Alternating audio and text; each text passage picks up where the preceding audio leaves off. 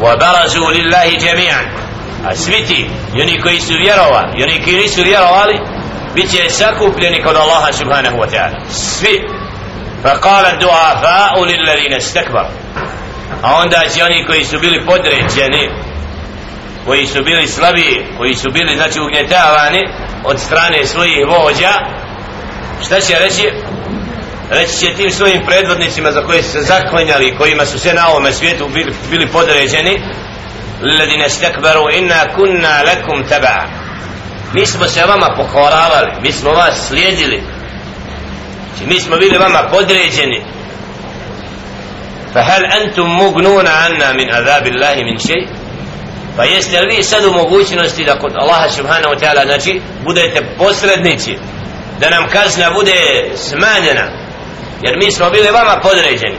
Mi smo vas slušali.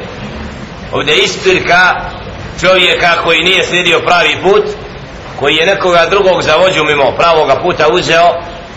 Znači da će tebi tražiti ispirku da kaže kriv je moj vođa valijadu billah. Naprotiv Allah subhanahu wa ta'ala daje odgovor šta će reći ti predvodnici te vođe koji se oholile na ovome svijetu. قالوا لو هدانا Allahu لهديناكم da je nas Allah subhanahu wa ta'ala uputio mi bi vas uputili. Znači da smo mi bili na uputi da smo se pokoravali ibadat činili Allahu subhanahu wa ta'ala ne bi od vas činili tako.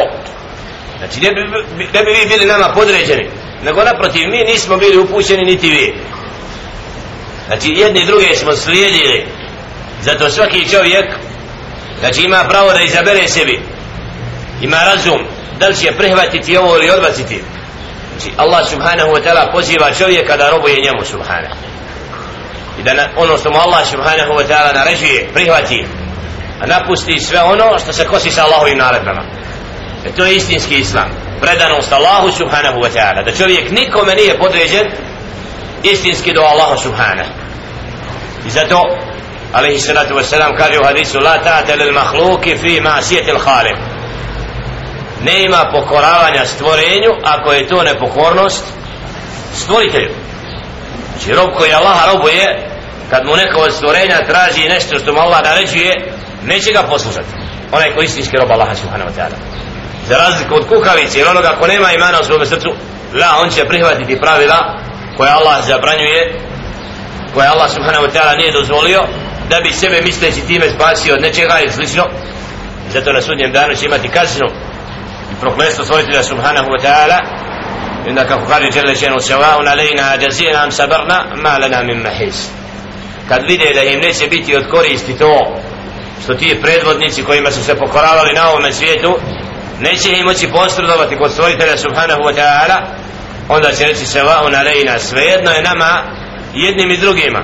I tim oholit, oholnim predvodnicima i oni koji su im slijedili svejedno da li mi oplakivali to ili saburili na kazni koja nas čeka znači neće nam to biti od koristi da bi bili sačuvani od džehennemske vatre velijadu billah